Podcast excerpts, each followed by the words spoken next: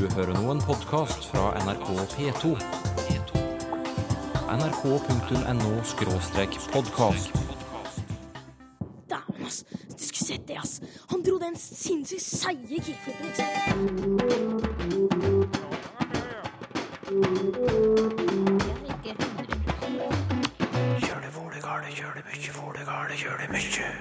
Vi låner engelske ord, ja vel. Men engelsk påvirker også grammatikken vår. Når nordmenn, særlig unge nordmenn, eh, har så kompleks og brei engelskkompetanse som de har, da ligger det liksom to ulike språk oppi hjernen og påvirker på hverandre. Og noen snakker på innpust for å skjule hvem de er. Da man kledde ut seg og av ulike skäl ikke ville avslöja vad man var med sin röst. Och då pratar man bara på inandning. Så blir, röst, så blir rösten förändrad. Se her, Sylfest Lomheim, et ord som en lytter har sendt oss. Ja, jeg er luta lei det. Å ja, du har hørt ordet ofte, kanskje? Gjett om. Men det er jo ganske fint. eh, Det blir brukt så mye at jeg er luta lei. Fint ord, da. Ferdig med det. Nei, vi kommer tilbake til det mot slutten av sendingen.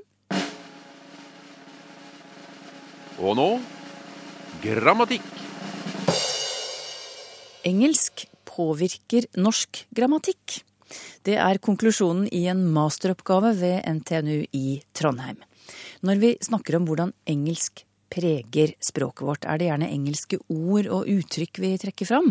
Vi er online, vi går med boots, vi booker et hotellrom osv. Men du, Anne Mette Sunde, du har gransket noe annet enn ordvalg. Du har undersøkt om engelsk påvirker måten vi bruker verb på. Hva slags verb er det snakk om? Eh, Ja, i masteroppgaven min så undersøkte jeg et utvalg refleksiv verb. Og refleksiv verb, det er verb som eh, obligatorisk må etterfølges av eh, refleksive pronomenet seg. Eksempler? Eksempler på det, det er å vaske seg, eh, skamme seg, og glede seg, og konsentrere seg og barbere seg. Så den typen verb. Ja. Men på hvilken måte bruker vi refleksive verb annerledes enn vi gjorde før? Det man ser nå, det er at en økende tendens til at folk utelater det her seg-pronomenet. Det ser ut som at noen verb er i ferd med å, å miste seg-refleksiven. Um, Har du et eksempel, kanskje? ja, Uh, på NTNU sine nettsider så sto det at uh, NTNU ønsker å tiltrekke studenter, og ikke tiltrekke seg studenter, sånn som det egentlig skal være da, i tradisjonell eh, norsk grammatikk. Og på Dagbladet sine nettsider så var det også en overskrift eh, om at stjernene flokket til Versages eh, Hennes og Maurits-visning, og ikke da flokket seg, som det skal være. Ja. Og så da du begynte med denne oppgaven, så tenkte du at dette kunne ha noe med engelsk påvirkning å gjøre. Hvorfor tenkte du at, at det var sånn? At det kunne være sånn? Jo, det er fordi at eh, engelsk er ganske unikt i uh, germanskspråklig sammenheng, ved at det er det eneste språket eh, da som ikke har denne typen obligatorisk eh, refleksiv markering med sånne refleksive pronomener. Har alle andre språk eh, i den germanske språkgruppen dette her, da, eller? Ja, altså norsk og dansk og svensk og islandsk og nederlandsk og tysk, som er da germanske språk, de har alle utbredt eh, refleksiv markering. Um, og det samme gjelder også en del store romanske språk, som spansk og fransk. Så engelsk eh, står på en måte litt alene uh, ved å ikke ha uh, denne typen refleksiv markering. Og mens man uh, på norsk da f.eks. vil si at han barberer seg, og han konsentrerer seg, så eh, sier man på engelsk bare eh, he concentrates og he shaves. Så uten noe refleksive pronomen. Så for å teste ut eh, denne hypotesen din da, om at dette kommer fra engelsk, så gjorde du mange ulike undersøkelser, men du lager bl.a. en tekst der du puttet inn setninger med refleksive verb sånn hist og pist, med noen med pronomene seg og noen uten. Og så fikk du eh, forskjellige grupper mennesker til å se på dette her og, og godkjenne setningene, eller si at nei, det her er feil. Og de var ulikt sammensatt både når det gjelder alder og, og utdannelse og engelskkunnskaper. Um, hva fant du ut etter disse undersøkelsene dine? Jo, det eh, som jeg så, eh, ut fra besvarelsene til alle de rundt 70 informantene, eh, det var at de yngre informantene og de informantene som har en bred engelskkompetanse, de var dem som i høyest grad godtok de her setningene uten seg. Jaha, hvorfor? hvorfor det, tror du? Altså, det har jo med engelskkompetanse å gjøre. Og de yngre informantene de har en bredere og mer kompleks engelskgrammatikk enn eh, den eldre generasjonen i Norge, i og med at de har fått inn engelsk eh, i mye større grad gjennom hele barndommen, og bruker engelsk mye mer til daglig enn eh, voksne mennesker. Mm. Enn eldre mennesker. Som sagt så gjorde du jo flere undersøkelser enn dette her. Du har et ganske stort materiale alt i alt. Og hypotesen din var altså at såkalt bortfall av seg i refleksive verb kan skyldes engelsk påvirkning. Hva er konklusjonen nå, nå som du har undersøkt saken? Eh, Ja, på bakgrunn av det totale datagrunnlaget mitt, så slo jeg fast at refleksive refleksiv bortfall, som jeg valgte å kalle det, eh, som lingvistisk fenomen da, må sies å, å finnes i norsk. Det er noe vi kan snakke om, noe som skjer. Eh, og det som vil eh, påvirke det her refleksebortfallet, det er eh, engelskkompetansen din. Sånn at ung alder og høy engelskkompetanse, det gjør at du i større grad godtar setninger uten seg, og produserer flere setninger uten seg. Du har eh, veilederen din med deg, Kristin Melum Eide, professor i nordisk språkvitenskap. Du bruker ordet dramatisk om det Anne Mette Sunde har funnet. Hvorfor gjør du det? Jo, det er jo sånn som du nevnte innledningsvis, eh, at eh, det er forska ganske mye på at engelsk påvirkning viser seg i, på ordnivå. Vi låner inn ord. Men det er ikke i og for seg veldig dramatisk. For et eh, språk tåler store mengder med eh, innlånte ord uten at det blir veldig påvirka. Men grunnen til at det her eh, er litt mer dramatisk, det er fordi at det her er på strukturnivå. Så nå er det, er det engelskpåvirkning og går inn og påvirker strukturene og grammatikken til norsk. Ja, Hva er det som er dramatisk ved det? Det er dramatisk på den måten at hvis at du tenker på engelske låneord, så kan du f.eks. bestemme deg for at du skal unngå dem. Du har et helt annet bevissthetsnivå i forhold til låneord. Eh, Men eh, når du har eh, strukturer som du har lånt inn, så, er det forferdelig vanskelig å være bevisst på at du bruker dem, og at du ikke vil bruke dem. Så det betyr at det her har liksom snekket seg inn og på en måte forurensa den norske grammatikken din på en måte som ligger under bevisst- bevissthetsnivået. Mm. Men Hvis du setter disse funnene inn i et større perspektiv, hva forteller de oss om språk og påvirkning? Det forteller oss det at eh, så lenge at eh, det finnes eh, tospråklighet, såpass utbredt som det begynner å bli i det norske samfunnet, at nordmenn, særlig unge nordmenn, har så kompleks og brei engelskkompetanse som de har, så betyr det at uh, da legger det liksom to ulike språk oppi hjernen og påvirker på, uh, på hverandre. Så en, eh, en lignelse som jeg gjerne bruker, det er at hvis du putter en banantyggis i munnen og en jordbærtyggis i munnen, så er det sånn at det er helt umulig at ikke smakene påvirker hverandre. Og sånn er det med de her to språkene òg. Og det, det som er saken, da, det er det at det innenfor litteraturen om det her, så er det ganske vanlig å anta det at når et språk begynner å påvirke et annet språk på strukturelt nivå, da er det ikke kanskje kroken på døra, men det er veldig langt framskreden eh, tospråklighet i samfunnet, da, når du har eh, strukturell påvirkning på den måten. Ja, Hva ser du for deg i dette tilfellet?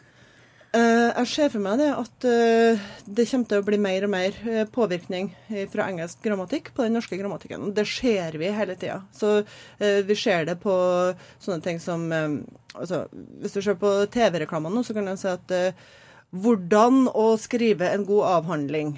Altså, hvordan å, det er liksom ikke en, en norsk struktur. Det er en engelsk struktur som vi låner inn, og folk uh, reagerer lite på det. Så det betyr at vi blir mer og mer mottagelig for engelsk setningsstruktur, og vi reagerer mindre og mindre på at andre folk bruker engelsk setningsstruktur med norske ord. engelsk påvirker norsk grammatikk. Det bekrefter Kristin Melum Eide, professor i nordisk språkvitenskap ved NTNU, og studenten hennes, Anne Mette Sunde, som har skrevet masteroppgave om temaet.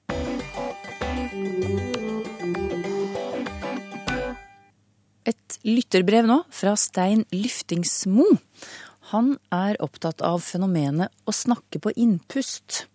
Hvor mye snakkes det på innpust? Hva sier man på innpust, bortsett fra ja og nei? Stein Lyftingsmo, du, jeg har funnet fram et innslag fra Språkteigen i 2009. Der kollega Gøril Grov Sørdal tar opp akkurat dette temaet, med svensk eksperthjelp. Hør bare. Snakker du på innpust? Ja, det gjør du sikkert. Du trodde kanskje det var typisk norsk å gjøre akkurat det? Vel, i Sverige tror de det er typisk svensk. Men språkteknolog Robert Eklund, du har funnet ut at slik er det ikke. Nei, hva jeg kom fram til etter åretalls av studier av det her, til min egen forvåning, for at som du sier, så trodde jeg at det her var veldig typisk svenskt, eller i Sverige sier man til og med at det er typisk norrländskt, det Si säga norra Sverige, var att det här förekommer i princip över hela jorden, eh, på alla kontinenter, i alla slags olika språkfamiljer och så vidare. Ja, du har jobba med dette de siste åtte åra, og det heter ingressiv tale. Kan du forklare Ja, det- for oss eh, hva det er? Eh, Den tekniska termen är pulmoniskt ingressivt tal och det innebär att man åstadkommer ljudet genom att med lungorna dra in luft och eh, fonera, det vill säga åstadkomma ljud på det sättet. Normalt talljud produceras av att lungorna trycker ut luft. Men så kan man eh, åstadkomma ljud på andra sätt också. Det finns eh, klickar i afrikanska språk till exempel som in, inte åstadkoms med lungorna utan det, det finns sex olika sätt att producera ljud och pulmoniskt ingressivt ljud är ett av dem. Kan du gi meg det, noen eksempel? Ja, absolut. Ja, Den känner vel de fleste. Exakt, den.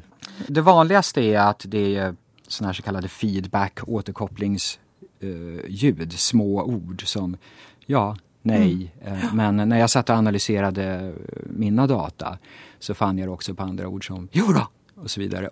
Ja, Vi kan gå på exempel, for du har samlat ulike stemmeprøver. Og La oss höra på den svenske bruken. Ja, men då tar vi om den. Nei. Gjør det. Det ligner jo ganske mye på den norske bruken. Ja, faktum är att det finns en, eh, en norsk uppsats av en person, Natsuki Kobayashi, som tittade just på hur det används och varför. Och det finns också en, svensk studie av en som heter Håkan Landqvist som tittade på när och var det förekommer. Och de fick fram ungefär liknande effekter. Att den primära funktionen är återkoppling. Det vill säga, jag är med, jag hör vad du säger, jag är här och lyssnar på dig. Ungefär att det är en sån här signal att man, man vinkar att man är där och lyssnar. Men intressant är också att Håkan Landqvist för svenska fann att väldigt ofta i en diskussion för när man har en dialog två människor emellan till exempel. Innan man stänger det samtalsämnet och går över till nästa samtalsämne så fann han att det ingressiva inandningsjat var ja nummer tre. Och som att det liksom drog ner ridån för samtalsämnet. Som att, ja då ska vi gå på bio ikväll. Ja, men då gör vi det. Ja, okej vi hörs. Ja. Och, det bet- och det betyder att ja, ja, ja. Och då betyder det nu Nå er det definitivt. nästa. Nu är det definitivt slut. Ja. Mm. Det her er et ganske illustrativt eksempel på hvilken funksjon det har. Du har òg stemmeprøver fra Skottland. Her hører vi Ja. innpusten i starten av setningene. I wasn't bad. Og så er det noen som sier hele setninger på innpust. F.eks. For eksempel eh, her fra Færøyene. Jeg vet ikke, vet ikke hva Ja. er det å si. Jeg vet ikke, er det der eksempelet. och de- de här, ett par av de her lydeksemplene har andre forskere vært vennlige nok å sende til meg. Jeg vet ikke. Det der er interessant, for det fins litt ulike sett å prate på inandning. Eh, Det, det fins flere kilder som nevner at i isländska så pratar man ofta hela meningar. Att i finska så avslutar man ofta meningar med att säga flera ord. Luften tar slut när man har fyra ord kvar att säga så säger man alla fyra ord på innanning. inandning. Ja, men då tar vi om den. Gjør det. En, en annan sak är också att det här med att det är fullt möjligt att prata full, eh, helt på inandning. Vissa ljud är väldigt svåra av eh, fy fysiologiska akustiska skäl att göra perfekt. Bland annat S har det visats, det är rent akustiskt väldigt svårt att göra ett S på inandningsluft som låter exakt likadant som ett S på utandningsluft. Det, det är rent akustiskt eh, mekaniskt. Talorganet ser inte ut så beroende på tekniska aspekter. Och det här används som ett medvetet trick över hela jorden i schweizertyska, i Kanada, Newfoundland, på Filippinerna så har man haft det här som trick av olika skäl eh, för att dölja sin identitet. Där man klädde ut sig och av olika skäl inte ville avslöja vad man var med sin röst. Och då pratar man bara på inandning. Så, så, blir röst, så blir rösten förändrad. Men skillnaden där är att det är ett helt medvetet trick då att man, varenda ljud man åstadkommer, åstadkommer man medvetet. Till skillnad från de här små ja, nej, som man gör antagligen utan att vara medveten om att man gör det. Så, så mycket av de här eh, paralingvistiska småljuden är att de är, de är inte helt omedvetna men de är praktiskt taget omedvetna.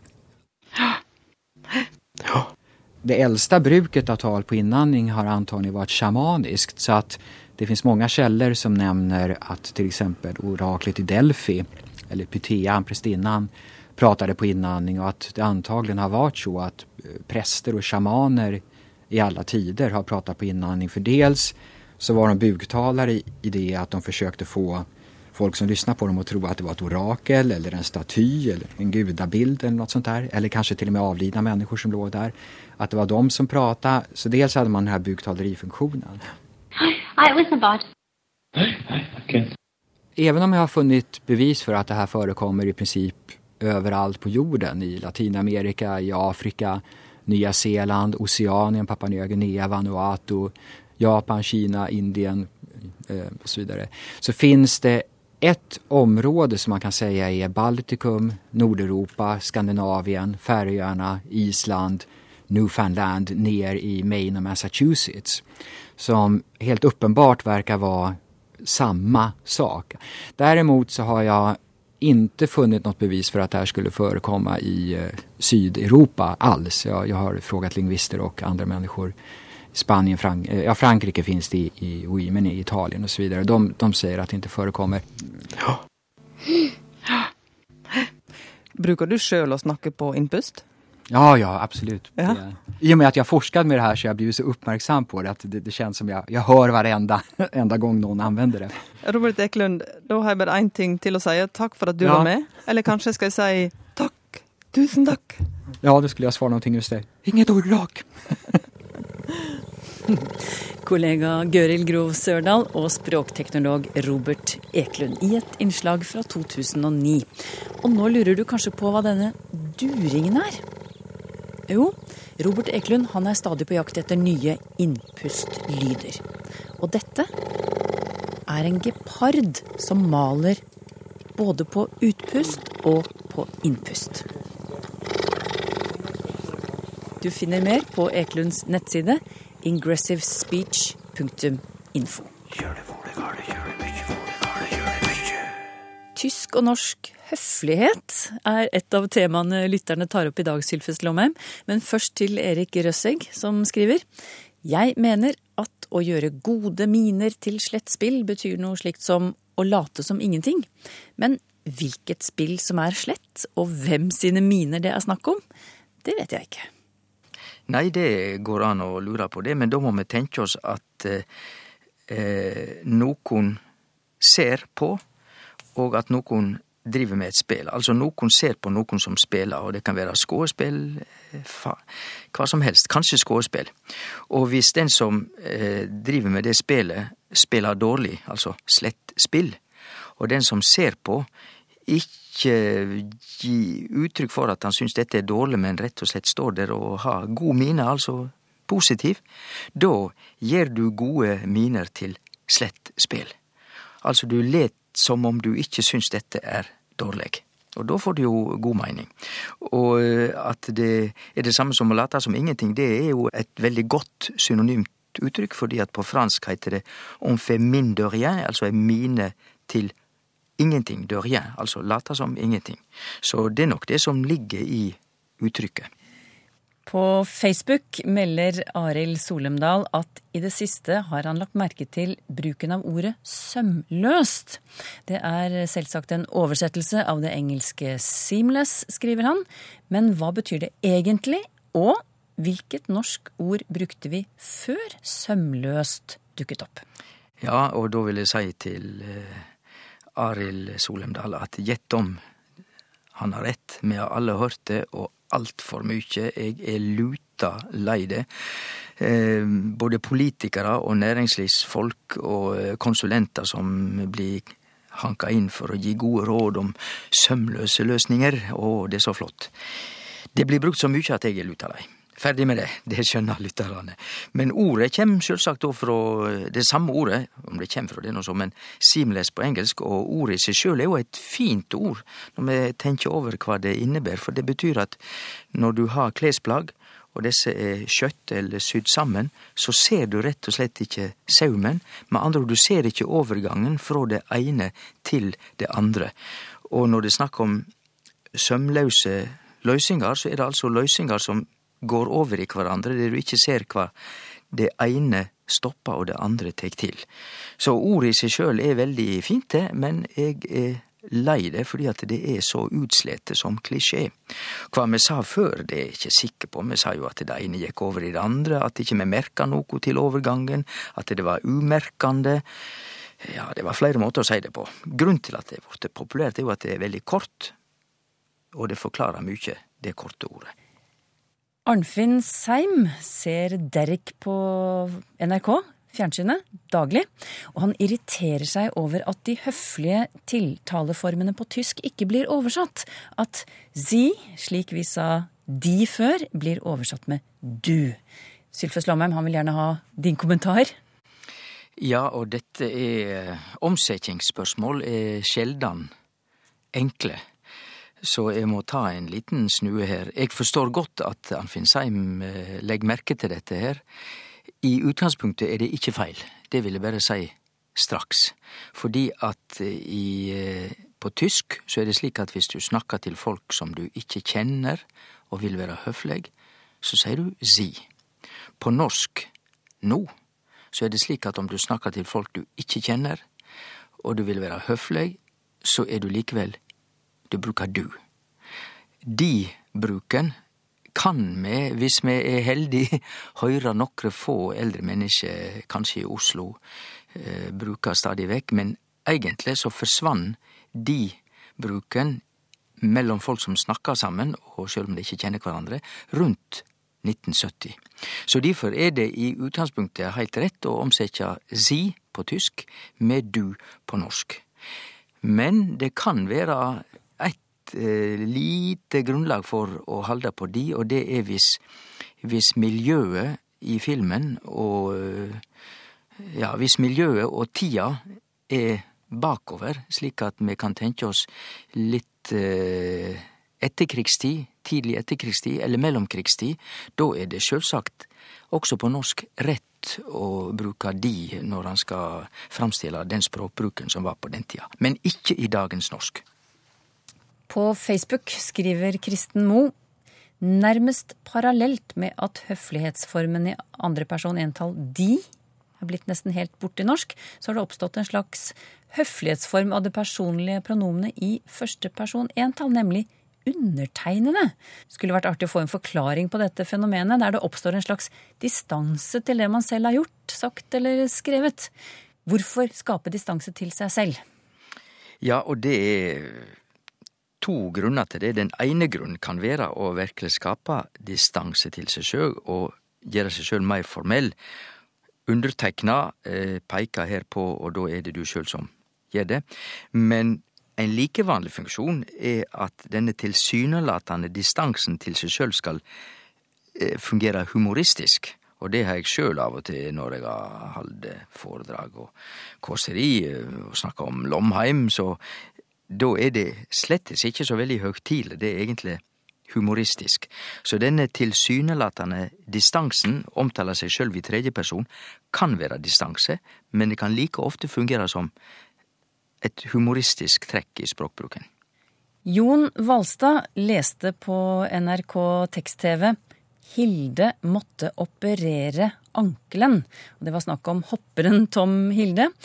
Og eh, Valstad skriver for meg ser det ut som om han måtte gjøre inngrepet selv, noe som kanskje ikke var så lurt. Burde det ikke stått 'måtte opereres' i ankelen? Til det er å si til Jon Valstad og andre at eh, det som ville være heilt patent norsk i dag også, er at eh, Tom Hilde måtte opereres i ankelen. Å skrive at Tom Hilde måtte operere i ankelen, syns eg stadig vekk er tvilsam norsk. Men eh, da er jeg på vei inn i et område i norsk språkbruk i dag som let seg diskutere, og det er til og med naturligvis vurdering og skjønn hva som skal reknast som feil. Det er iallfall i strid med tradisjonell norsk språkbruk. Og så må jeg legge til at jeg er ikke det minst overraska over å sjå dette i avisen i dag, fordi det er ingen tvil om at vi har ei såkalla verbdrift i norsk. Ei slags rørsle eller ei endringsretning, der mange verb som tidligere bare kunne opptre i passiv, altså måtte opereres, etter hvert får oftere og oftere en, en bruk som aktiv. Og en del av disse verba vil nå mange sjå på som, som rett. Herborg Kråkevik fotograferer godt. Der han med samme typen. Det er ikke det at Herborg Kråkevik er fotografen her, men hun er fotogen, altså det blir fine bilder. Men etter tradisjonell språkbruk så virker dette veldig pussig. Og for å halde oss i idrettssektoren ei stund til. Krossbandet i kneet er ofte utsett for skade, og hun rauk krossbandet, eller hun røk korsbåndet.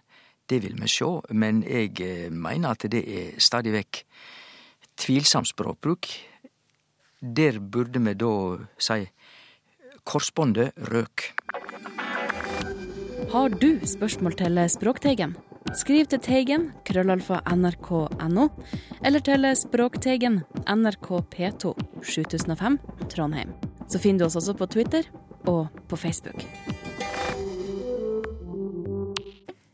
Neste sending blir et gjenhør fra i fjor, annet om grønlandsk, et av verdens vanskeligste språk. Noen ord bøyes på 700 måter, og ikke alle lydene er enkle heller. Altså den her spesielle uh, og som foregår nede i halsen. Så man skal sånn øh, øh, altså, man skal nærmest Språkteigen om en uke.